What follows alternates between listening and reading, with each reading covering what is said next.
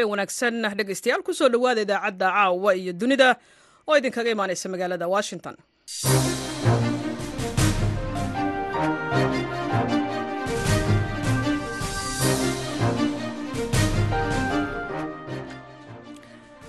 Waa fiidnimo axada bisha agost ee sanadka kana waa lix. Waxaad naga dhegaysanaysaan muwjadaha gaagaaban ee lix iyo tobanka iyo sagaal iyo tobanka mitirban iyo bogga v o a somaly com saacadda afrikada bari waa toddobadii fiidnimo. Magaalada washington d c na waa laba iyo tobankii duhurnimo idaacadda caawa iyo dunida. Waxaa idin daadihinaya aniga ah cashe ibraahim aadan.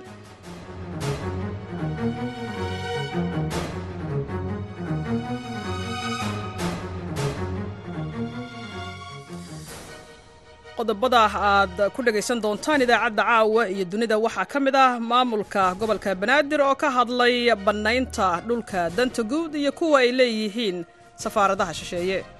Waxaa jira in badan oo ka mid ah dhulalkii danta guud ay laheedoo dowladda soomaaliya ay laheeday ama kuwii sida gaarka ah dowladaha kale ama safaaradaha amba ay u lahaayeen in badanoo ka mida waa la degay. Waxaa laasim ah ama waajib ah markay u baahdaan hay'adahaasi dowladda in loo banneeyo. Waxaa kale o aad dhegaysan doontaan barnaamijka wicitaanka dhegaystaha oo toddobaadkan ku saabsan xaaladda xilligan ee maamul goboleedka puntland. Waxaan aaminsanahay in muxuu ahaayey dowladda iyo cid kastoo ka aragti duwan ay wada fadhiistaan in muxuu ahaayey dulqaad badan la muujiyo in muxuu ahaayey cabashada laftirkeeda midda dhow iyo midda dheerba muxuu ahaayey laga jawaabo. Qodobadaasi iyo warar kale oo ku saabsan dunida iyo soomaaliya ayaan idiin haynaa marka horese waxaad ku soo dhowaataan warka caalamka oo aan idiin akhriyo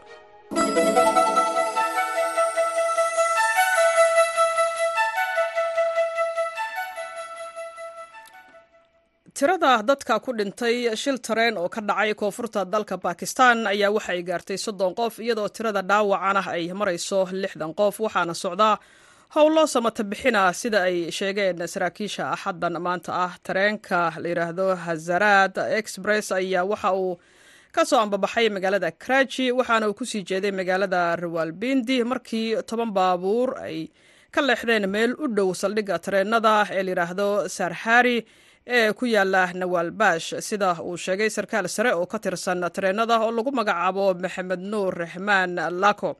Lako ayaa mas'uul waxa uu ka yahay waddooyinka tareenada ee aagga shilka uu ka dhacay sarkaal sare oo ka tirsan booliska oo layidhaahdo abid ballooj oo ku sugnaa goobta uu shilkaasi tareen ka dhacay ayaa waxa uu sheegay in ilaa iyo hadda la helay meydadka soddon qof halka in ka badan lixdan qof oo kale oo ku dhaawacmayna halkaasi laga soo saaray oo qaarkood ay halis yihiin dhaawacyada soo gaaray. Waxa uu intaasi ku daray in laga yaabo in dhimashadu ay sii kororto iyadoo ay socdaan howlo samata bixin ah ayaa sheegay in haween iyo carruur ay ku jiraan dadka dhintay iyo kuwa ku dhaawacmay shilkaasi tareen.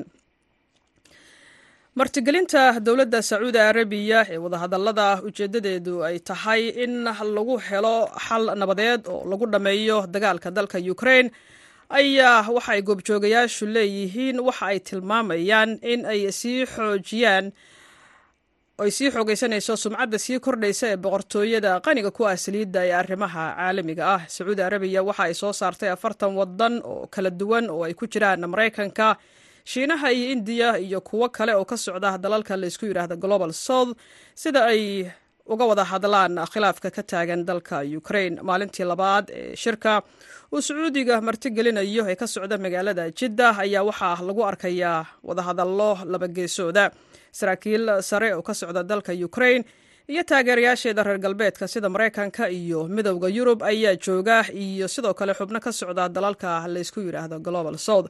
Waa markii ugu horreysay ee shiinaha uu ka qayb galo madal noocan oo kale ah. Xukuumadda bejiinna waxay xiriir dhow oo dhaqaale iyo mid diblomaasiyadeed ba ay la leedahay dalka ruushka iyada oo diiday baaqyada caalamiga ah ee lagu cambaareynayo xukuumadda moscow. Ruushka ma joogin kulanka balse waxa uu isha ku hayaa wadahadallada socda. Dhulgariir ka dhacay bariga dalka shiinaha ka hor waa berigii axaddan ayaa waxa uu dumiyey guryo waxaana ku dhaawacmay ugu yaraan koob iyo labaatan qof. Sida ay sheegtay warbaahinta dowladda balse lama soo sheegin wax dhimasho ah oo uu dhulgariirkaasi sababay. Dhulgariirkan oo cabirkiisu ahaa shan dhibic shan ayaa waxa uu ka dhacay meel u dhow magaalada layidhaahda dezuu oo qiyaastii saddex boqol oo kilomitir koonfurta ka xigta magaalada bejiin ee caasimadda dalka shiinaha saacaddu markay ahayd labadii iyo soddon iyo saddex daqiiqo ee subaxnimo ee xilliga dalka shiinaha siday sheegtay xarunta saadaasha dhulgariirka ee shiinaha. Sahanka juqraafiyadeed ee maraykanka ayaa cabirka dhulgariirkaasi ka dhacay dalka shiinaha waxa ay ku sheegtay shan dhibic afar. Dhulgariirka ayaa waxa uu sababay in boqol iyo labaatan iyo lix guri ay dumaan waxaana ku dhaawacmay koob iyo labaatan qof sida uu ku waramay telefishinka dhexe ee dowladda shiinaha iyo warbaahinada kale ee dalkaasi ka howlgala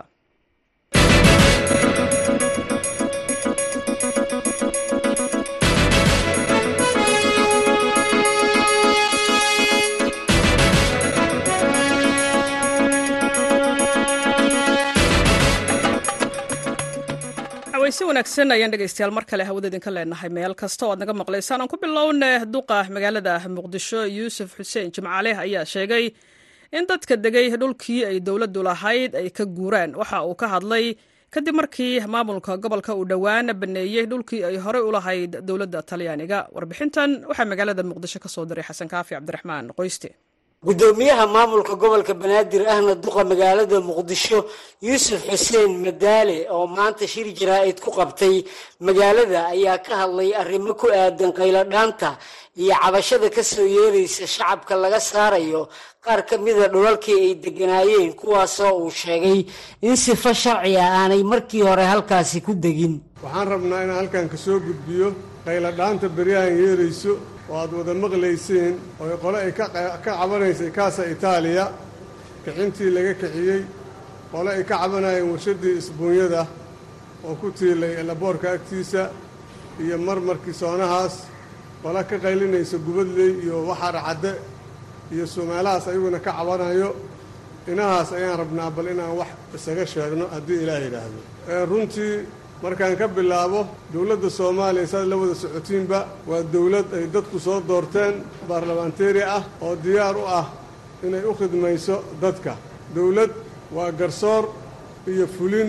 Marka saan la wada soconnaba waxaa jira in badan oo ka mid ah dholalkii danta guud ay laheedoo dowladda soomaaliya ay laheeday ama kuwii sida gaarka ah dowladaha kale ama safaaradaha amba ay u lahaayeen in badan oo ka mida waa la degay. Waxaa laasim ah ama waajib ah markay u baahdaan hay'adahaasi dowladda in loo banneeyo meeshii ayagu ay ku shaqayn lahaayeen. Sidaasi la mid ah shacab soomaaliyeed ayaa guryo ku lahay magaalada muqdisho. Hantidoodii waa lagu habsaday. Haddii intay dacwo tageen dacwadii lagu jid helay maxkamadda ay xukuntay qaarkood dukumenti falsaa loo samaystay maxkamaddii ay xukuntay oo la fuli tago in la yidhaahdo anagaa lay kicinaa iyo anaa layla dagaalsan yahay iyo intaasoo sanaan ku noolaa iyo caqliyad ma noqonayso. Duqa magaalada muqdisho ayaa sidoo kale ka warbixiyey sababaha keenay in kaasa itaaliya laga saaro dadkii ku ganacsanayey taas oo uu sheegay inay ku timid codsi ka yimid dowladda talyaaniga. Waxaan rabaa arrinta kaasa itaaliya saan la wada soconnaba kaasa itaaliya talyaaniga iskale caan ayuuna ku yahay safaaradda talyaaniga warqaddii ay soo dirtay waa taa. Warqaddii ay soo dirtay waa taa warqaddii wasaaradda khaarijiya ay ku soo xirtana waa taas. Warqaddii gobolka banaadir uu ku xidhana waa kaa waxay soo martay dariiqii saxda ahaa ay ku codsanayaan safaaradda talyaaniga ay leedahay waxaan rabnaa in noola banneeyo dhulkii aan lahaynay oo kaasa itaaliya la dhihi jiray in aan uga furno adeegyo ummadda soomaaliyeed dhallaanka dhallinyarada soomaaliyeed aan shaqaabuur ugu samaynay xirfado. Sidaa darteed waxay soo codsadeen in loo banneeyo markay codsadeen annaga toosnooma soo aadin wasaaradda arrimaha dibadday aadeen wasaaradda arrimaha dibadda warqad noo soo qortay warqaddii wasaaradda arrimaha dibadda iyo tii talyaanigaba waa kuwaasaa tii aan ku xidhana waa taa. Oo aan leenahay ha la banneeyo marka kaasa itaaliyo shaksina ma lahayn cid gaaroo leedna ma jirin cid alle ciddii joogto ama deganeedna ama sharci dare ha ku deganaato ama sharci ha ku deganaato si ay u sheeganayaan qaarkoode sharci maba ku deganayne go'aan waxaa lagu gaaray in laga guuro. Taariikhda goormay ahda markaan warqadda qornay. Waxaan qornay annaga waxayna soo gaartay saddex iyo labaatankii. Bishii saddexaad ayayna soo gaartay laba kun labaatan saddexdii. Annaguna waxaan warqadda ku lifaaqnay shan iyo labaatankii bishii afaraad laba kun iyo saddex iyo labaatankii. Abriil iyo meey iyo juun iyo julaay hadda dhammaatay intaas ayaan sugaynay oon maalinba maalin ugu kordhinaynay. Taasna waxay sababtay markii dambe in go'aan la qaato sidaana looga raro dadka ayaga ahaa inkastoo guddoomiyaha gobolka banaadir yuusuf xuseen jimcaale uu sheegay in dadkii ku ganacsanayay kaasa itaaliya ay siiyeen digniin iyo wakhti ku filan oo ay halkaasi uga guuraan ayaa misena waxaa arrintaasi beeniyey qaar ka mida dadkii halkaasi ku ganacsanayey xaawo geeldoox oo ka mida dadkaasi ayaa v o a u sheegtay inaanay jirin digniin la siiyey oo ku aadan inay kaasa itaaliya isaga guuraan waxaanay xustay in si xooga looga saaray halkaasi hanti ay lahaydna lagu burburiyey. Xasan kaafi qoyste v o a muqdisho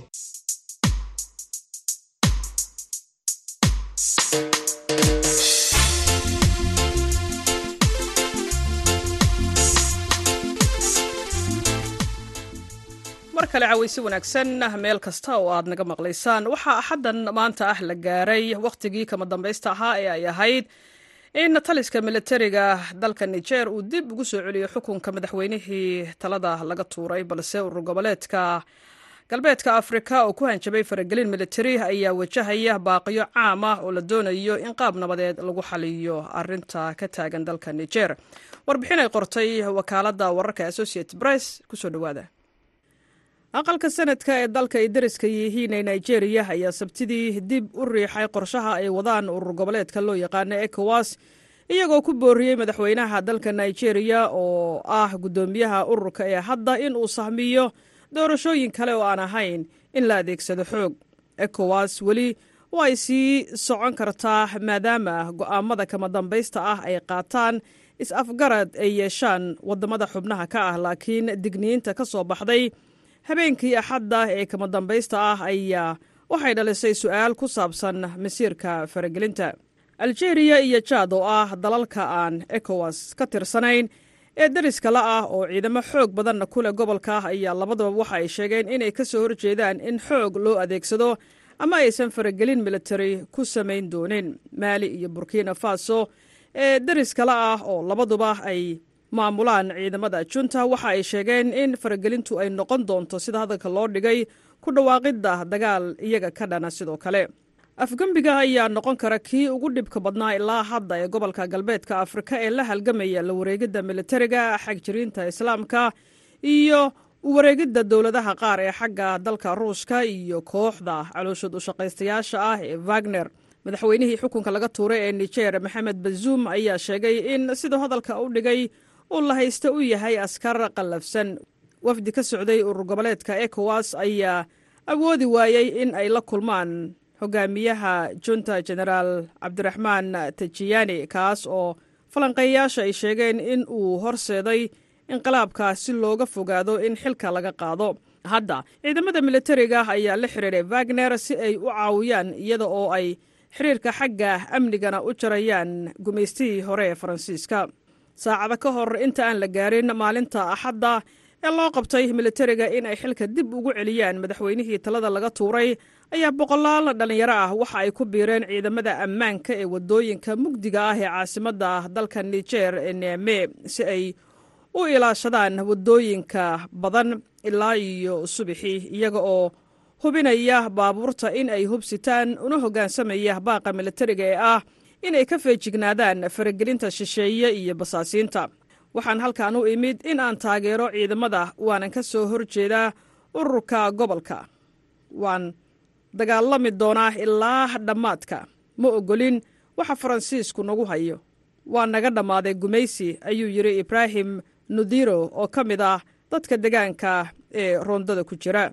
Baabuur meesha maraysay ayaa qaarkood waxa ay yeerinayeen hoonka taageero darteed. Dadka qaar ayaa waxa ay ku baaqeen in loo midoobo waddamada afrika. Ilaa iyo hadda ma cadda waxa xiga ee urur goboleedka ekowas ururka gobolku ma ahayn inay siiyaan ciidamada junta hal toddobaad oo kama dambaysa si ay dib ugu soo celiyaan xilka madaxweyne bazuum laakiin waxay ahayd in ay u qabtaan ilaa iyo siddeed iyo afartan saacadood ayuu yidhi peter fama ergeygii gaarka ahaa ee hore ee maraykanka ee gobolka galbeedka afrika ee saaxil afgembigan ayaa dhabarjab weyn ku ah maraykanka iyo xulafadiisa oo u arkayey dalka nijer inuu yahay dalkii ugu dambeeyey ee sida weyn uga qayb qaata la dagaalanka argagixisada gobolka saaxil oo ah degaan aad u ballaaran oo koonfurta saxaraha ka xiga halkaas oo jihaadiyiinta xiriir kale leh alqaacida iyo kooxda isku magacowday dowladda islaamka ay ku ballaariyeen dhulkooda kaas oo bilaabay in uu halis geliyo dowladaha xeebaha sida beniin gaana iyo toogo maraykanka faransiiska iyo dalalka yurub ayaa boqolaal milyan oo dollar oo gargaar militari ah ku qarqiyey dalka nijer faransiiska ayaa waxaa dalkaasi ka jooga kun iyo shan boqol oo askari inkasta oo masiirkooda hadda su'aal la geliyey maraykanka ayaa sidoo kale kun iyo boqol askari ku leh dalka nijer halkaas oo ay ka howlgalaan saldhig muhiima oo ay leeyihiin diyaaradaha aan duuliyaha lahayn ee magaalada agades iyada oo hogaamiyayaasha afgembiga ee dalka nijer ay sheegteen in ay tallaabada ay qaadeen ay uga dan lahaayeen amni darrada sii kordhaysa awgeed ayaa shilalka iska hor imaadyada waxa ay hoos u dhaceen ku dhowaad afartan boqolkiiba dalka. Marka loo eego lixdii bilood ee la soo dhaafay sida laga soo xigtay mashruuca xogta goobta iyo xogaha dhacdooyinka hubaysan taasina waxa ay ka duwan tahay weerarada sii kordhaya ee dalka maali oo laga saaray ciidamada faransiiska lana shaqeeya wagner iyo burkina faso oo iyaduna ka takhallustay ciidamada faransiiska. Hubantila'aanta ka jirta dalka nijer ayaa nolol maalmeedka uga sii daraysa ilaa iyo shan iyo labaatan milyan oo qof oo ku nool.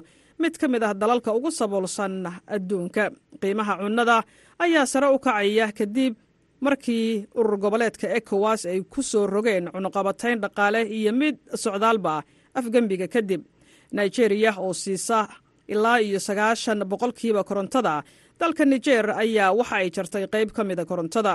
Kooxaha bini'aadminimada ee dalka nijer ayaa ka digay sida hadalka u dhigeen saamaynta xun ee nolosha ee in ka badan afar dhibic afar milyan oo qof oo u baahan gargaar warbixintaasna waxaa qortay wakaaladda wararka associate bress halkaad kala socoteenna waa laanta af soomaaliga ee v o a.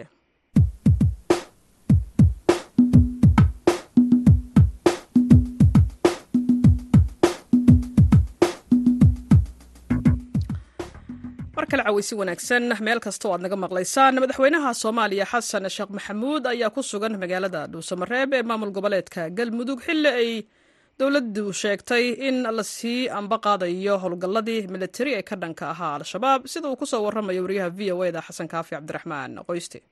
Madaxweynaha soomaaliya xasan sheekh maxamuud ayaa shalay gaaray magaalada dhuusamareeb halkaas oo la sheegay in madaxweynuhu uu fariisin ka dhigan doono inta uu socdo dagaal lagu wado in ururka al-shabaab looga saaro meelaha ay kaga sugan yihiin maamulada hirshabeelle iyo galmudug haddaba tegitaanka madaxweynaha ee magaalada dhuusamareeb muxuu ku soo kordhin karaa dagaalka ka dhanka al-shabaab ee la filayo inuu dhowaan halkaasi ka bilowdo.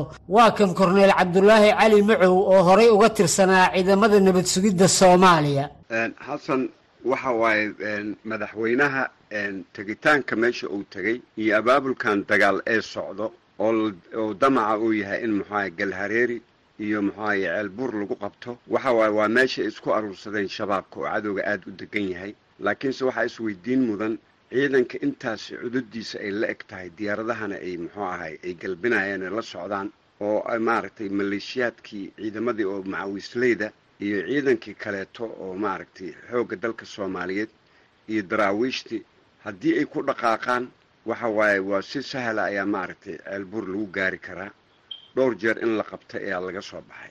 Marka waxa waaye waa dhiirigelin madaxweynaha sababtuu u taga meeshaas inuu ku dhiirigeliyo oo dhab ay ka tahay madaxweynaha in maaragtay iyo dadka soomaaliyeed oo dhan cadowgan daashaday oo dilaaga in maaragtay meel muxuu ahay la saaro oo laga saaro muxuu ahay dalka laga saaro. Waayo dhibaato badan ayay maaragtay shan iyo toban sano ay ku hayeen dadka soomaaliyeed korneel macow ayaa dhinaca kala sheegay in al-shabaab sida looga bartay aanay dagaal toosa la geli doonin ciidamada dowladda islamarkaana ay bannayn doonaan deegaanada ay iminka ku sugan yihiin balse goobahaasi marka ay ciidamadu gacanta ku dhigaan kadib ay macquul tahay in weeraro rogaal celisa ay ku soo qaadaan. Waxa waaye shabaab dhaqankaasi waa lagu yaqaanaa inay meesha ka baxaan kadibna maaragtay ciidanka markii uu muddo uu joogo meesha ay dagaal ay ku soo qaadaan. Waxaana ugu wacan wardoonka xoogga dalka soomaaliyeed waa inuu maaragtay meesha ka howlgalo niisana waa inay kaay ka howlgasho. Isla markaas muxuu ahay dhexgal lagu sameeyo penetration lagu sameeyo muxuu ahay dad dadweynaha meesha degan kolleyba waxa waay shacabka meesha degan dhibaatay ku haayeen shacab wuxuu ahaa muxuu ahay waddanka muxuu ahay muxuu ahay go-doon ka ah oo dhibaato badan ay ku haayeen shacabkana lagu dhiirigeliyo. Waxa waaye dowladdiini ayaa idiin timid. Maamulka iyo muxuu ahay iyo dowladnimada degaankana waxa waaye idinka ayaa mas'uuliyadda qaadanaya. Sababtoo ah waxa waaye guddoomiye ayay lahayd ceelbuur. Maamulka in loo sameeyo isla markaasna muxuu ahay saldhiggii booliiskana meesha muxuu ahay ay ka howlgalaan stationkii la furo. Muxuu ahay dadka gargaar loo geeyo. Dadka waa dad dhibaataysan. Meesha haddii dagaal uu ka bilaabana dadaa qahayo oo maaragtay la qahaaya shabaabka. Amaba way ka saarayaan magaalada qaar. Basaasiinna way uga tagaanaan waa hubaal. Marka waxaa waa dhiifoonaantana muxuu aha in la xoojiyo. Isla markaasna muxuu ahaa lala xisaabtamo muxuu ahay sarkaalka meesha madaxda ka ah ama muxuu ahay guutooyinkaasi muxuu ahay hogaaminayo. Mas'uuliyadda inuu qaato oo maaragtay heeganka uu ahaado afar iyo labaatan saac iyo sahanka. Marka markaa waa laga yaabaa in maaragtay ay xasisho muxuu ahay ceelbuur iyo galahareeri siyaasiyiinta soo dhoweeyey in madaxweynuhu uu xarun ku meel gaara ka dhigto magaalada dhuusamareeb ayaa waxaa ka mid ah axmed cabdulaahi oo horey wasiir ku-xigeen uga soo noqday maamulka galmudug. Tegitaanka madaxweynaha ee uu tegey galmudug caasimadda dhuusamareeb iyo go'aanka ah dagaalka in yacnii la soo afjaro dhinacaas galmudug iyo hirshabeelle oo deegaanadaas oo dhan laga soo saaro khawaarijta waa wax aad iyo aad u wanaagsan. Waa tillaabo aad muhiim u ah. Waa tillaabo qof kasta oo wax garanaya ama damiirlig uu soo dhoweynayo aad iyo aad ayayna u tahay. Yacnii fursad aad muhiim u ah. Waa madaxweynihii koowaad oo dalkan inuu khawaarijta ka sifeeyo si go'aana oo muuqata u qaatay tillaabooyin ku habboonna qaatay waa uga mahad celinaynaa madaxweynaha waana ku taageeraynaa waana ku garab taaganahay la taliyaha arrimaha bulshada ee madaxweynaha galmudug axmed shire falagleh oo ku sugan magaalada dhuusamareeb ayaa si kooban v o a uga waramay qaabka uu u socdo diyaargarowga gulufka ka dhankaa ururka al-shabaab. Diyaargarowga aan ugu jirno in shabaab laga xoreeya deegaanada ay ka haystaan galmudug iyo hirshabeelleba waa mid xoogan loobana kala harin. Hadday noqon lahayd dowladda galmudug iyo shacbigeeda iyo ciidamadeeda hadday noqon lahayd dowladda federaalka sidaa la socotid shalay tole waxaa yimid magaalada dhuusamareeb wafdi ballaaroo hogaaminaya madaxweynaha jamhuuriyadda oo ciidamana waa ka soo horreeyeen. Ciidamadana waa ka dambayn doonaan gulufka colaadeed ee la rabo in arrintaasi wax looga qabtana waa mid xoogan waxaa la rajeynayana waxa wey inaan wakhti ku lumin si lana yareeyo in dad kale wax gaaraan dowladda soomaaliya iyo dowladda galmudug labadana waa ka go-an tahay in casdabay la qaada laga dhigo rajada laga leeyana waxa weeye in kooban in lagu soo afjaro nabaddiidku deegaanada ay ka joogaan galmudug waana muuqataa cududii iyo midnimadii iyo kartidii looga hortegi lahaa. Howlahaasina waa howlo faraha lagu hayo aan rajeynayna maalmaha soo socda in shacbiga soomaaliyed meel oo joogaanba ay ku naaloodaan. Deegaano ka tirsan hirshabeelle oo ay weli baaqi ku yihiin al-shabaab ayaa ka mid ah meelaha lagu wado in ciidamadu ay wajahaan. Waxaase quburada amnigu ay ku talinayaan in marka hore la dhammeeyo. Khilaafka u dhexeeya maamulka hirshabeelle sida uu tilmaamayo axmed cabdulaahi kaboole oo siyaasadda iyo amniga ka bartay jaamacadda difaaca ee dalka sweden. Sidaad la socoto wejigii koowaad ee dagaalku wuxuu ka bilowday hiiraan waxaana hormuud ahaa runtii guddoomiyihii hore gobolka hiiraan mudane cali jayte oo kabacdina taageero ka helayay dowladda federaalka soomaaliya halkaasoo militariga aada mooday in ay aada iyo aada runtii ilaa dagaalkiina hadda socdo oo al-shabaab looga guuleystay meelo badan oo ilaa shan iyo toban sano toddobiyo toban sano ay haysteen. Nasiib daro khilaafka ka jira hirshabeelle mar kastaba saameyn ayuu ku yeelanayaa dadkii deegaanka iyo howlgalladii uu ku yeelanayaa marka waqti hadda la joogo waxay la tahay maadaama madaxweynihii jamhuuriyadda federaalk soomaaliya tuutihii qaatay oo u fariistay dhuusamareeb in wejiga labaad ee la dagaalanka al-shabaab laga soo gabagabeeyo galmudug iyo hirshabeelle in khilaafka la yareeyo wasaaradda arrimaha gudaha iyo hay'adaha ku shuqulana ay ka shaqeeyaan sidii loo yaray lahay khilaafaadka ka jira hirshabelle si aan loo niyad jebin howlgallada militariga soomaaliya ay sameynaya. Oo runtii ah howlgalkii ugu weynaayay oo ay soomaaliya la gasho al-shabaab. Xasan kaafi qoyste v o a muqdisho. Aad baad umahadsan tahay xasan kaafi qoyste. Weli dhegeystayaal waxaad la socotaan tabintayada caawa iyo wararka v o a. Si toosa idinkaga imaaneysaa magaalada washington. Haatan waxaad ku soo dhawaataan barnaamijka wicitaanka dhegeystaha waxaa inoo haya nuur xasan nuur nuur bukhaari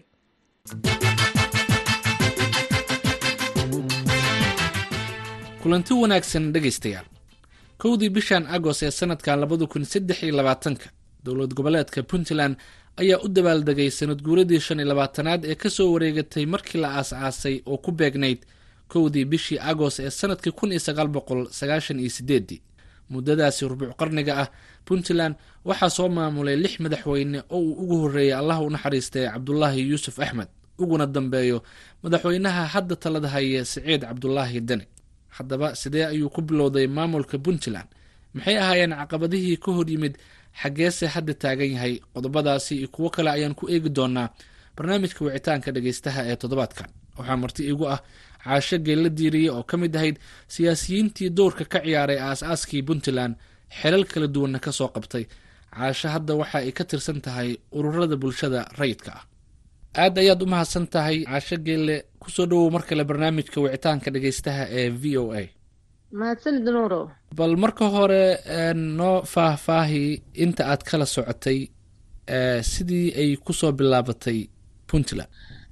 Bismillahi raxmaan raxiim v o a iyo dadka soomaaliyeed oo la dhegeysanaya baa salaamaya. Walaal waxa weeyaan markii dagaalkii sokeeye dhacay sagaashan iyo kowdii dad badan oo u muxuu ahaaye ka soo jeeday gobollada waqooyi bari ee soomaaliya waxa ay gaareen goboladaas goboladaasna waxay ahayd gobo waagi hore la oran jiray gaariwa waxay ka samaysteen muxuu ahaay dadaalo iyo horumarin iyo maamulo yaryar oo muxuu ahaay u adeega danahooda. Markii hore amni aada ahaayeen haddana waxa weeyaan amnigii ayaa la sii horumariyey waxaa shaqaysay dekedii boosaaso oo runtii dad badan oo soomaaliyeed ama ganacsato ah ama ahaa dad muxuu ahaayey dagaalada ka soo barakaceen waa ku liibaaneen. Waxaa dheeraatay oo daba dheeraatay xilligii dowlad soomaaliyeed inay dhisanto ay ahayd oo sideed sanaa ka soo wareegtay. Waxaa rajabeel laga gaaray shirarkii lagu yegleelaya dowlad soomaaliyeed oo ka dhici jira waddamada dariska ah shirkii ugu dambeeyey oo qaahiro ka dhacay ayaa xilligaas fashilmay. Kadibna dadka reer puntland muxuu ahaayey waxgaradkoodii waa isku yimaadeen waxayna goosteen in ay muxuu aha loo baahan yahay in la sameeyo maamul muxuu aha soomaalina baadi doona iyo dowlad soomaaliyeed. Reer puntlandna muxuuha ururiya muxuu ahaaye horumarkeeda iyo dowladnimadeedana muxuu ahaayey adkeeya sidaas ayay markaa goosteen. Kadibna waxaa jirtay jabhado kale oo jabhadaha soomaaliyeed ka mid ahaa oo la oran jiray u s b muxuu ahaaye s n d u. Jabhadahaasuna waxay goosteen iyaguna oo ahaa dadkii deegaanka iyaguna ka dhowaa oo muxuu aha ood wadaagga la ahaa in iyaguna muxuu ahay ka noqdaan dadka maamulkaas wax ka dhisanaya. Waxaa loo saaray ergooyin shirar badan oo kala duwan oo qeybaha kala duwan ee bulshadu ay sameeyeen ayaa la sameeyey. Waxaana la gooyey in maamulkan maanta la yiraahdo puntland uu samaysmo oo rubac qarni jirsaday. Alxamdulilah loona dabaaldegay kowdii agost laba kun labaatan iyo saddexdii waayahay marka caqabadihii ugu horeeyey ee ka hor yimid aas-aaskii maamulka maxaa ka mid ahaa wal horta caqabadihii ka hor yimid waa iska badnaayeen horta caqabadaha siyaasi oo sida kuwa maanta jira oo soomaaliya markasta oo la damca in wax la dhisto ka hor yimaada ma jirinin.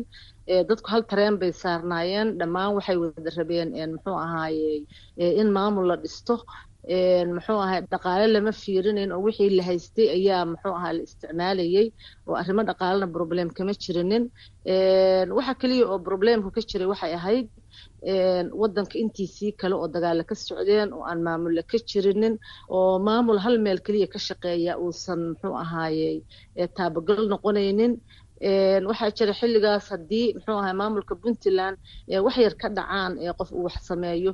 Shan daqiiqa kabacdi meesha deegaanka ugu sokaysa hadduu galo muxuu ahay aan cidna soo qabanaynin. Marka welwelkaasaa jira caqabadaasaa jirtay laakiin alxamdulilah waxaa jirta isku waxaa jira isku duubni badan oo fududaysay in macnaha shanta maamul shan gobol oo markaas muxuu ahaa puntland ka koobnayd iyo deegaan layihahda buuhoodle oo markaa isku yimid inay caqabad la'aan dhisaan. Waa jira isjiid jiid ku saabsan xagga awood qaybsiga tirada oo yarayd dadka oo tiro badnaa muxuu ahaaye markii dambena wixii lagu saleeyey waxay ahayd isku jiid jiid iyo muxuu ahaayey charterkii markaas la sameeyo saddex sano sheegayey in saddex sano kabacdi loo gudbi doono dimuqraadiyad oo dadka muxuu ahaaye laga tegey ama aan matalaad helin ay matalaad heli doonaan.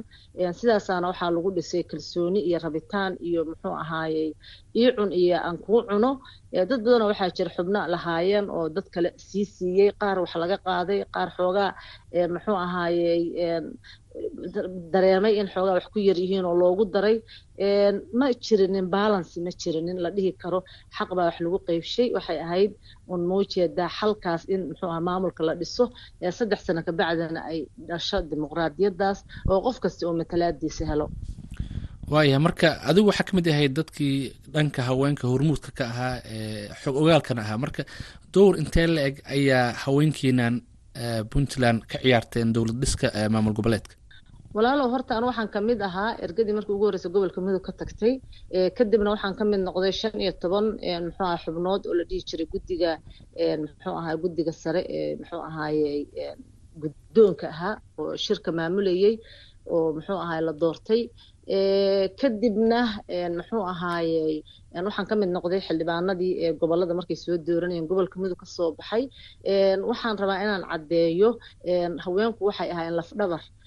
Hoolka shirka lagu dhigayo kontonyo afraad la oran jiray waxay ahayd meel qoraxa oo aan lahayn har fiican lahayn xero askareed ah. Magaalada aada uga fog dadka markii ay ka baxaan mararka qaarkood habeennimo ay ka bixi jireen.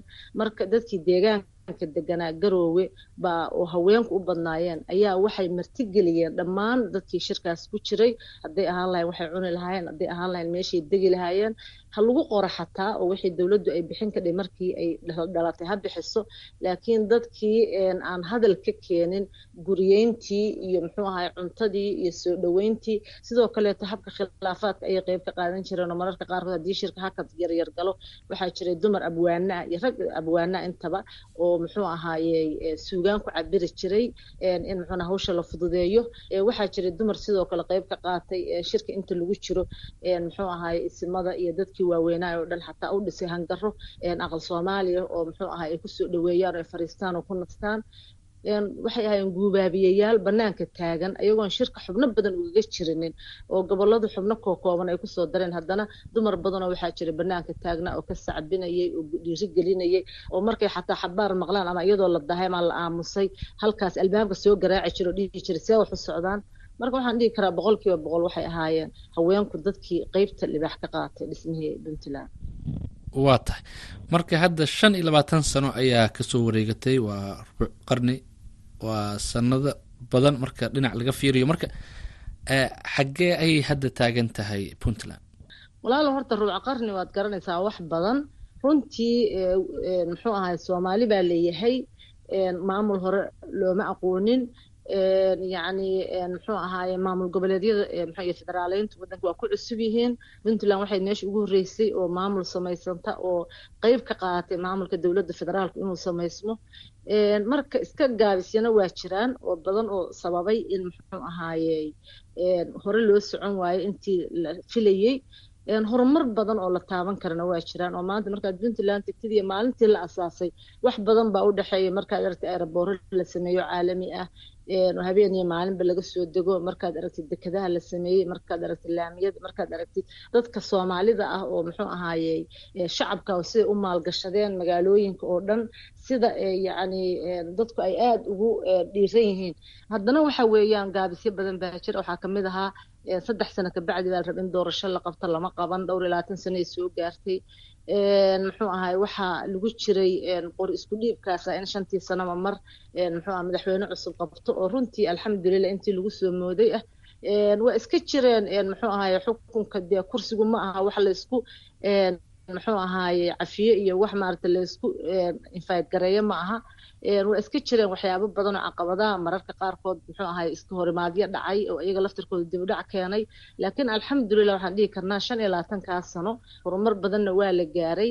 Wax badan oo la filayo gaabiso dimuqraadiyadan hadda bilaabatay ay ka mid tahayna waa jirtaa waxa kale oo caqabada iyaduna ahayd oo dhiba muxuu aha jirana waxay ahayd yacni haynta iyo awoodaha intay qaybsigooda iyo dadka muxuu aha baahidooda oo kala badan maadaama aysan dhaqaaluhu uusan muxuu aha ahayn sidii loogu talagalay maadaama aysan jirin dowlado waaweyn oo muxuu aha dhaqaalaha bixinaya aysan jirin maadaama muxuu ahaye dagaalo sokeeya xataa ay jireen mararkii muxuu aha puntland intaysan bilaaban ku dhadhawaadkoodii ay jiraan kuwa hadda muxuu ahay meelaha buuraha iyo ka socsocda waxyaabahaasoo dhan iyaga laftirkooda dhaqaalaha hoos bay u dhigeen waxay ka mid yihiin caqabadaha yani waxyaabihii la fili waaye la filayay loo gaari waayey dowladda federaalka iyo puntland iyada laftirkeeda.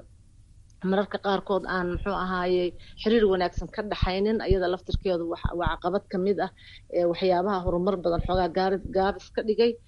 Laakiin alxamdulilah waxaan dhihi karnaa soo far shan iyo labaatan sano waa u qalantaa puntland muuqaal ahaan marka la fiirshiyo amni ahaan alxamdulilah waa tahay. Waxaa soo hadal qaaday dimuquraadiyiinta waxaan ognahay in puntland ay ku guuleysatay in dhowr iyo labaatan degmo loo sameeyo golo deegaan. Arintaasi maxay kaga dhigan tahay horumarka dowladnimada ee puntland? Maxayna gobollada kale ee soomaaliya kaga dayan karaan? Walaalo horta waxaan ku dhihi lahaa waxaan dhihi lahaa waxa weye horta runtii wax weyn bay nooga dhigan tahay. Annaga reer puntland maxaa yeelay waxaan soo aragnay dhowr iyo labaatan sano oo qabiil laysku xukumayay. Qabiilku waad garan kartaa qabiilku ma soo hormariyo qofka muxuu ahaayey waxtarka weyn leh qofka aqoonta iyo muxuu aha waaye aragnimo ule shaqadaas la gelayo. Badanaaba waxa qabiilku soo hormariyaa waxa weeye qofka iyagu ay markaas wax la raadinayaan. Taas marka waxay ragaadisay horumar badan oo la filayey iyo isbedelo badan oo la rabay in la sameeyo. Marka in dimuqraadiyadda la sameeyo oo qofka codkiisa uu ku nasiibsado wax weyn bay ahayd iyada laftirkeedu barashay u baahan tahay. Waxa weeya dadku ma wada soo wada bixin oo waxa weeya maba aaminsaneyn dimuqraadiyadda aada umaysan aqoonin boqolkiiba muxuu ahaayey afartan dadaan dhammayn ayaa maxanaa isdiiwaan geliyey. Dad badan oo muxuu ahaay dhalinyaraha xataa waxaa jira oo tiro badan oo yacni boqolkiiba soddon ka badan oo dibadaha qalbiga ay ugaga jirto oo laga dhaadhiciyey macnaha faraha aad dimuqraadiyadda. Haddii aad geshid hadhowta dhoofkaaga bay wax u dhimaysaa waan dimuqraadiyadda gelin baa jira macnaha isdiiwaangelintii marka outku waa yaraa laakiin inta muxuu niyad wanaag baa jiray. Soddon iyo saddex degmaa lagu guuleystay saddexda degmo oo hartay waxay ahayd degmooyin xoogaa khilaaf yar oo adiga soo kala dhex galay ku baaqday laakiin dadweynuhu ay rabitaankooda muxuu aada u rabeen haddana ay diyaar tahay in muxuu ahaye la dhammaystiro goboladan hadda iyaguna s s c oo puntland iyaguna ka tirsanaa oo dagaal iyo halgan ku jiray ayaan degmooyinkoodii laga qaban. Sababtuna waxa weeye maadaama dadku inay ku jireen in muxuu la daba goosto oo degmooyinkoodii iyagoo halgan iyo hawl ku jirana dib baa loo dhigay oo lama qaban ilaa inta go'aan laga gaarayo. Marka alxamdulilah yacni waxba waxbay dhaamaan. Afar boqol oo kun shan boqol oo kun oo qof oo cod bixiyayaal ah inay wax doortaan waxay ka fiican yihiin dad boqol ka yar oo muxuu ahaay odayaala inay wax soo xulaan. Marka horumar weyn oo la taaban karo oo runtii lagu muxuu ahaayey lagu muxuu ahaay diilo fiican la weeye. Laakiin mar walba dee khilaaf waa iska jiraa sababtoo ah waxa weeyaan dad badanoo markii hore waxaa jiray aan dimuqraadiyadda gelin oo aan muxuu ahay laakiin markay hirgashay daaqaday ka soo galaan iyo albaabay ka soo galaan aan helinin oo laftirkooda muxuu ahaayey jeclaan lahaa inay muxuu dib loogu celiyo oo wax dib u noqdaan. Laakiin alxamdulilah aniga sida aan is dadka boqolkiiba sagaashan sagaashan iyo sagaal waxay aada ugu faraxsan yihiin in dimuqraadiyaddu hirgasho soomaaliyana ay ku fido casharna u noqoto muxuu ahaayey dadkuna isdoorto waa mahadsantaha iigu jira khadka maama caasho geelle dowrka dhegeystayaasha ayaan geli doonaa dhegeystaha ugu horreeya ayaan jeclahay in aan soo dhaweeyo anigoo yahay magacaygu maxamed cabdiraxmaan axmed oo ku nool magaalada boosaaso. Waxaan weydiinayaa puntland shan iyo labaatan sana jidhaa iyadoo aynan joogin ciidamo shisheeye amnigeeduna isku filan yahay. Waxaa weydiinayaa dhinaca dhaqaalaha iyo wax walba ma isku filan tahay. Puntland shan iyo labaatanka sano ay jidhay alxamdulilah horta waxa waaye waxaan ku soo moodnay waxa waaye nabad baan ku soo moodnay muxuu ahaayey isku baan ku soo moodnay. Xiliye waxaa jira puntland qaybo ka mid a dagaala ka socdeen oo dadka wada degan oo ay mar walba dagaal ka socday sida galmudug iyo puntland oo kale dagaaladaas waa joogsadeen. Waa la xaliyey muddo laba sana waxa weeyaan horumar iyo nabad iyo isdhexgal iyo muxuu ahaay baa lagu wada jiraa.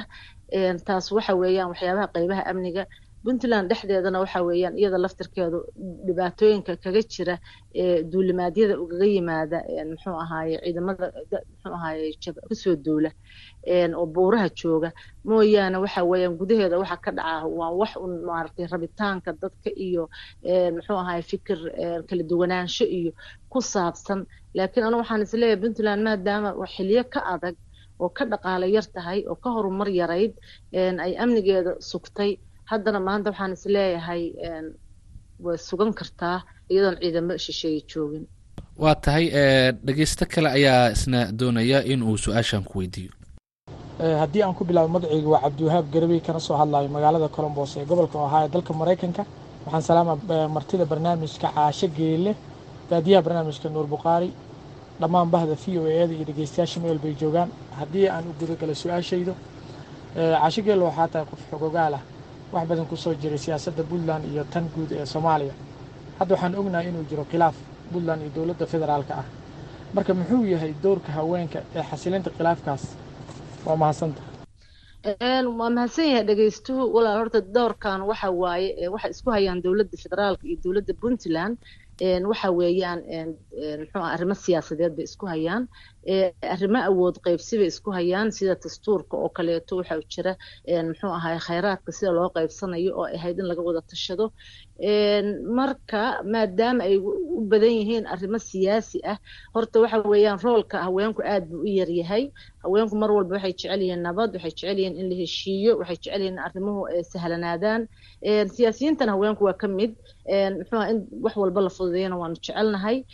Marka waxa waaye mar walba puntlandna dhowr jeerna way caddaysay inay diyaar u tahay in la xaliyo arrimaha muxuu ahaay dowladda federaalka iyo dowladda puntland. Maxaa yeelay waa dad soomaaliyeed waa dowladayadii weyne weeye. Puntland waa hooyadii muxuu ahay dowlad soomaaliyeed samaysay. Iyaduna ixtiraam bay mudan tahay. In muxuu aha lagu ixtiraamo mas'uuliyadaheeda iyo muxuu ahaaye waajibaadka iyo xuquuqaadkeeda asaasiga oo ay leedahayna waa loo baahan yahay. Waxaan is leeyahay arrintaas muxuu ahaaye hadda waxaa lagu kala jiraa muxuu ahay dowladda federaalku waxay ku mashquulsan tahay halgan muxuu ahay dagaal. Puntlandna waxay ku mashquulsan tahay arrimihii muxuu aha doorashooyinka. Marka waxaan is leeyahay marka arrimahaasu ay dhinac u dhacaan waa khasab in dowladda federaalka iyo dowladda soomaaliyeed maadaama aysan isfuraynin ay wada fadhiistaan dhameeyaan arrimaha iyo khilaafaadka siyaasiga ah. Annaguna qeyb baan ka qaadanaynaa dadka soomaaliyeed oo dhan haween iyo rag iyo iyo aqoon-yahan. Maxaa yeelay wax hadda laysku haysto oo aan ahayn in la wada fadhiisto oo waxyaabaha laysku hayo la xaliyo. Ma jiraan. Insha allah waxaan rajeynayaa inay si ugu dhaqsaha badan iyaduna dhammaan doonto. Waa hagaag dhegeystaha ugu dambeeya ayaan jeclahay dhanka dhegeystayaasha su'aalihii ayna soo weydiiyeen inaan wada dhegeysano magacaygu waa mawliid mascadda dhabarey oo jooga degmada goldogob aad iyo aad baan idin salaamaya laanta af soomaaliga ee v o e gaar ahaan nuur xasan nuur bukhaari iyo maama caasho. Runtii waxaan weydiin lahaa su'aal aad u kooban. Saan wada ogsoonnahay maamulkan puntland wuxuu gaaray shan iyo labaatan sano.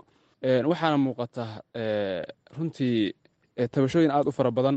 Dad waxaa jira aan u dabaaldegin firist agosto oo ahayd maalin weyn. Waxaan kaloo arkaynay wasiiro iyo xildhibaano ayaguna dowladda federaalka oo tabasho muujinaya maama caasho maadaama ay wax badan la socoto. Arrimahaas dowladdu seebay u maaraynaysaa. Maxaase uga degsan? Su'aashaasaan weydiin lahaa waa mahadsanti. Walaalow horta waxa waaye cabasho kasta in la xaliyo anigu waa aaminsanahay waxaan aaminsanahay in muxuu ahaaye dowladda iyo cid kastoo ka aragti duwan ay wada fadhiistaan waxaan aaminsanahay dadka reer puntland oo shan iyo labaatan sano soo joogay oo muxuu u soo dulqaatay dhibaatooyin badan caqabado badan soo xaliyey in muxuu ahaayey dulqaad badan la muujiyo in muxuu ahaayey cabashada laftirkeeda midda dhow iyo midda dheerba muxuu ahaayey laga jawaabo. Waxaan aaminsanahay inta qof reer puntland ah uu cabasho qabo inaysan xaq ahayn in muxuu ahay loo jawaabi waayo. Aniguna waxaan ka mid ahay waayeelka muxuu gobolkan weliba gobolka muxuu ahaye mudug baan ka tirsanahay oo muxuu guldogob ay ka mid tahay. Guldogob waxa weeyaan waxay ka mid tahay muxuu ahaayey maamulka puntland dadka wax ka dhisay. Jabhaddii s n d u la dhaha bay ahayd haddana waxa weeyaan waa dad deegaanka oo dhan degan waqooyi bari oo dhan degan oo aan muxuu ahaayey aan ka imaanin gobollo kale iyo meelo kaleo fog aan ka imaanin. Marka shalana way ogaayeen muxuu ahaay wacyigii lagu dhisay puntland maantana way ogyihiin xaaladeeda sida ay tahay waxaan is leeyahay muxuu ahaay wax walba waa la xalin doonaa. Wax walba muxuu ahaaye runtaa imaan doonto haddii dimuqraadiyad la sameeyo. Qofkasi xuquuqdiisa uu leeyahay uu heli doonaa. Puntland waa la socdaano waxa waxyaabo badan oo tabashaaha jira oo dad badan wax ka tabanaya. Laakiin waxaan is dulqaadkii aan shan labaatan sano ku soo jirnaa loo baahan yahay. Dowladdana waxaan mar walba ka rajeynaynaa waxa waye dadka cabashadooda iyo inay dhegeysato in ay muxuu ahaay wixii la xaliyi karana la xaliyo dadka aqoon-yahanka iyo dadka waxgaradka ah oo dhan inay maaragtay mar walba ay number one u ahaato puntlandnimada iyo muxuu ahaaye waayihii dheeraayo la soo maray iyo baahida dadku qabaan ay u qabaan amni iyo muxuu aha walaalnimo iyo isku muxuu ahaaye duubnaan. Waa tahay. Ugu dambeyntii maama caasho geelle shan iyo labaatanka sano ee soo socda haddii uu rabi raalli ka noqdo maxay tiigsanaysaa puntland? Walaalow anigu shan iyo labaatankaa sano ilaahay qofku gaarsiiyo. Anigu waxa weeyaan dadkiyagii xilligaas dowladda dhisay muxuu ahaaye eighty percent muxuu ahaaye maanta nalama joogaan oo way xijaabteen ilaahay ha u naxariisto. Aniguna dadkaasaan ka mid ahay. Anigu keliya waxaan jeclahay muxuu ahaaye intaan noolahay ilaah idankiis inaan arko puntland horumarsan khilaaf la'aan ah muxuu ahaayey mabaadi'dii loo dhisay oo ay ka mid ahaayeen in dadku qof iyo cod ay wax ku doortaan in qof kasta xaqiisa helo in la helo. In muxuu ahaayey soomaali muxuu ahaay oo dhan la walaal ah. Muxuu ahaay wixii khibrad ay dheertahay u gudbiya. Waxa aan muxuu ahaayey jeclaan lahaa in muxuu ahaay waxyaabaha cadaaladdu shaqayso. Waxaan jeclaan lahaa in muxuu ahaayey waxyaabaha laga soo gudbay oo ay ka mid ahaayeen eexda musuq maasuqa muxuu ahaayey qof jeclaysiga waxyaahaas oo dhan laga gudbo muxuu ahaay ay shaqayso rabitaanka shacabka iyo dadku waxa ay rabaan iyo cadaalad iyo horumar iyo walaalnimo iyo isku tanaasul. Iyadoo puntland sidaas ayaan jeclaan lahaa in ilaahay igu simo. Dee inta ka dambeysana waxaan jeclaan lahaa sanadba sanadka ka dambeeya in horumarku sii siyaado in isjacaylku sii siyaado in dadka muxuu aha aqoon-yahanka oo waxbartay oo jaamacadaha maalin walba ka soo baxaya ay noqdaan dadka hormuudka u ah waddanka dadkao dhanna waxaan jeclaan lahaa mar walba in muxuu ahaay saburku saburku uu bato. Waxaan leenahay isimo soo jireen ah oo marjac u ah puntland oo wax kasta oo dhaca muxuu ahay xalinteeda kor muxuu aha iyaga mas'uuliyad ka saaran tahay.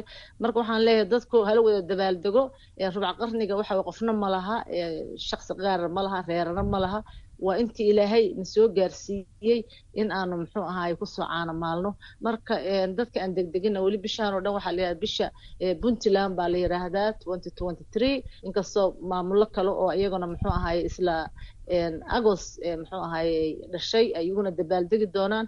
Marka waxaan leeyahay walaalaha aan dabaaldegina dabaaldega puntland waa wada leenahay cid gaarahu ma laha adaa madaxweyne ka noqonaya adaa muxuu ahaa majority ka noqon kara adaa wax walba yeelan kara marka puntland waa mid puntlandna waxa weeyaan waa midaan wada leenahay. Yaan loo fiirin qof iyo siyaasadada taagan.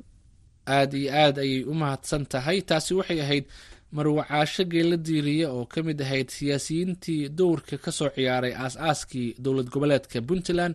Sidoo kalena xilal kala duwan ka soo qabtay. Caasho geelle oo hadda ah xubin ka tirsan ururada bulshada rayidka ah ayaa marti igu ahayd barnaamijka wicitaanka dhegeystaha ee toddobaadka waxaan jeclahay inaan u celiyo dhegeystayaashii nagala qayb galay. Tan iyo toddobaadka dambena waxaan idinku dhaafayaa sidaa iyo nabadgelyo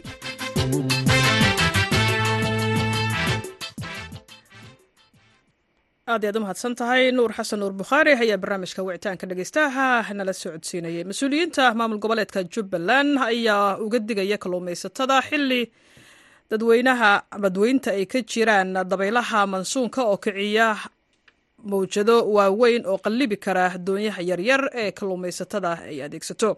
Warbixintan waxaa magaalada kismaayo ka soo diray aadan maxamed salaad. Digniintani ka soo baxday wasaaradda kalluumaysiga iyo kheyraadka badda ee jubbaland ayaa waxay ka dambeysay kadib markii dabaylo xooggan ay ku dhufteen xeebaha gobolka jubbada hoose iyadoona mas'uuliyiinta wasaaradda ay uga digeen dhammaanba in kalluumaysatada ay ka feejignaadaan xilliyada ay kalluumaysanayaan dabaylo xooggan oo ka jira xeebaha gobolka jubbada hoose awgeed. Waxaana mas'uuliyiintu ay uga digeen kalluumaystada iyo sidoo kale kuwa badda ku safra in ay feejignaan dheeraada muujiyaan agaasimaha guud ee wasaaradda kalluumaysiga iyo kheyraadka badda jubbaland. Cabdulaahi cali faarax ayaa sheegay in dadka kalluumaystada ahi looga baahan yahay in feejignaan dheeraada ay muujiyaan si ay uga badbaadaan dabaylaha xooggan ee ka jira xeebaha gobolka jubbada hoose oo la ogsoon yahay in sannadkii hore dad ka badan toban qof ay ku nafwaayeen iyadoona sidoo kale doomihii ugu badnaa ay waxyeella soo gaareen. Waxaa lagu jiraa xilligani xilligii badxireenka. Waxayna dhammaanaysaa sidaan rajeynayno hadduu alle idmo octoobar oo sanadkan ah. Ilaa hadda waxyeelo weyn oo hadda ay keentay sanadkan ma jirto. Markii la barbar dhigo sanadihii hore oo ay ugu wacan tahay in ay sanadkan ay yaryihiin roobabkii laakiin hase yeeshee waxaa jirto wax soo saarkii kalluunka oo hoos u dhacay doomaha qaarkood oon aadi karin badda kuwa waxaa bixi kara motorada waaweyn saaran yahay. Markii wax soo saarkii kalluunka uu yaraadana waxaa dhacaysa in qiimihii uu kor u kaco laakiin ka wasaarad ahaan waxaan uga digaynaa bulshada kalluumaysatada ah ee badda isticmaasho iyo kuwa kale ee ku safro badda inay digtoonaadaan. Markay baxayaanna jawiga ay qiimeeyaan wasaaradda la soo xiriiraan ayna qaataan hadday ka maarmi waayeen badda inay ama ka kalluumaystaan ama badda isticmaalaan in ay qaataan qalabka badbaadada kaasoo ka caawin kara haddii uu dhib imaado ka wasaarad ahaan annaka waa ka wacyigelinay waanan u sheegnay qaybtan qusaysa ee kalluumaysatada ah inkastoo dabaylo xooggan ay ka jiraan xeebaha gobolka jubbada hoose islamar ahaantaana aysan jirin ilaa iyo hadda wax khasaaraha oo soo gaaray dadka kalluumaystada iyo kuwa badda ku safraba ayaa haddana waxa ay saameyn xooggan dabaylahaasi ku yeesheen. Dadka kalluumaystada ahi ee ka ganacsada kalluunka kuwaasi uu sheegay in saameyn xooggan ay ku yeelatay dabaylahaasi suuqa kalluunka. Mar aynu booqannay suuqa kalluunka lagu iibiyo ee magaalada kismaayo ayaa waxaan kula kulannay qaar ka mid a ganacsada kalluunka kuwaasoo sheegay in sicirka kalluunka uu sare u kacay. Tan iyo wixii ka dambeeyey bishii juulaay ee aynu ka soo gudubnay. Wakhtiga hadda lagu jiro waxaa la gala xagaay wakhti la yidhaahdo baddii oo ah marka xilliyada la soo dhaafay xilli barwaaqe aheyd badfurna aheyd. Haddana waxaan galnay xilli badxiran ah xilligaasoo hadda lagu jiro xilliyadii mataqaanaayo xilligii baddii oo kuleelkeedii iyo mawjadihii ay bilaaban lahaayeen oo badxiranka uu bilaaban jiray bishii toddobaad lixaaday bilaaban jirtay adiga toddobaad ilaa iyo sideed ilaa sagaal ilaa iyo tobanaad. Waa xilliyada mataqaanaayo oo mataqaanaa badda oo badxiranka dabeelaha ay kacaan. Aadan maxamed salaad v o a magaalada kismaayo. Mahadsanid aadan weli dhegeystayaal waxaad la socotaan tabinta iyada fiidnimo ee laanta af soomaaliga. V o a si toosa idinkaga imaaneysa magaalada washington. Haatanna waxaad nala dhegeysataan heestan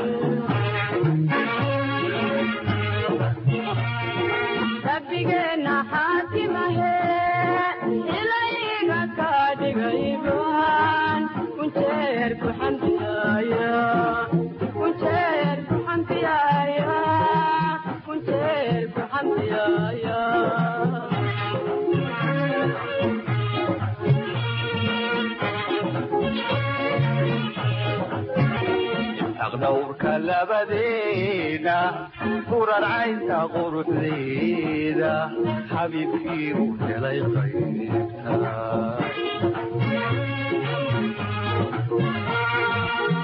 dhowrka labadeena furarcaynta quruxdeeda xabiibkii u helay qaybta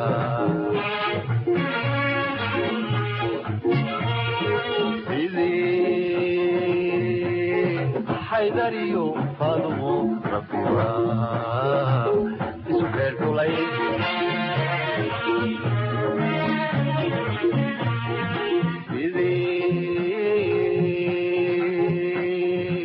haydariyo faadumo rabbiga isu beerdhulay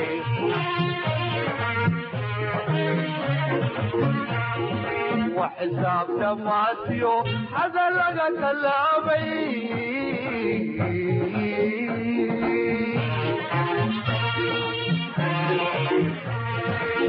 kuwaani ducadii xajoodaya gooyeenba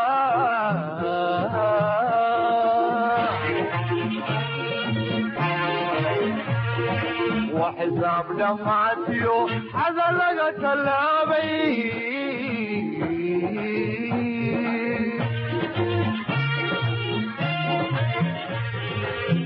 waali ducadii cashoodaya gooyeenba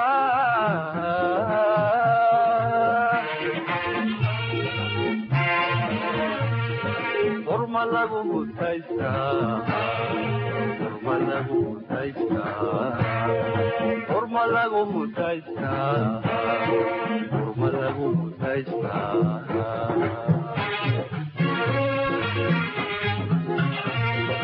rabbigeena xaakimaye ilayga ka dhigay baan kunjeer ku xamdiyaaya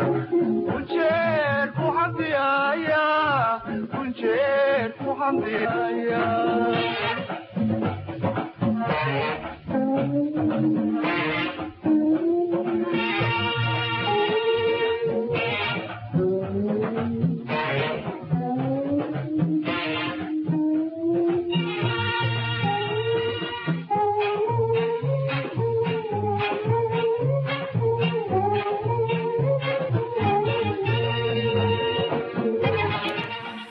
oo labada fanaan rabbi naxariista jannaha ka waraabiy labadaba maxamed axmed kuluc iyo saada cali warsame. Ayaan ku soo gabagabaynaynaa baahinteenii caawa ee laanta af soomaaliga v o a. Waxaa idinla socodsiinaya anigoo ah cashe ibraahim aadan.